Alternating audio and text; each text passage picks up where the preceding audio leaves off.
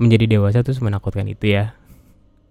Kayak takut gak punya pasangan hidup takut gak bisa punya pekerjaan yang stabil takut gak bisa menghidupi diri dan keluarga di masa depan takut gak bisa ngebahagiain orang tua takut gak bisa memenuhi cita-cita. Ya gitu-gitu dah pokoknya. Tapi seiring berjalannya waktu gue belajar sadar gitu ya pelan-pelan kalau langkah terbaik buat menghadapi rasa takut itu adalah dengan menguasai diri buat mau mulai bergerak. Kayak udah just do it afraid man. Lakuin aja meskipun lu takut.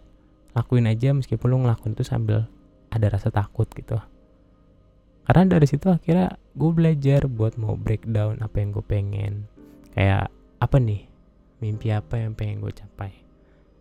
Terus ketika gue mau bergerak ya gue nggak cuma sekedar tahu mimpi gue apa tapi gue juga mau cari tahu gimana caranya untuk mencapai mimpi itu dan akhirnya kan kalau udah kayak gitu gue udah mulai bergerak dong. Ya meskipun memang nggak mulus pasti akan ada jatuh bangunnya. Tapi yang penting udah bergerak itu yang terpentingnya.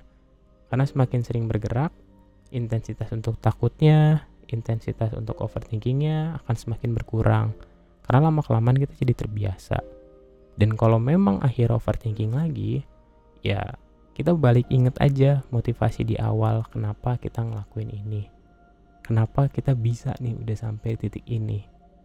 Kayak gitu. Dan itu yang akhirnya ngebuat gue bisa jadi makin mau bergerak dan bersyukur dengan kondisi gue saat itu. Gue belajar gitu sih. Kalau lo gimana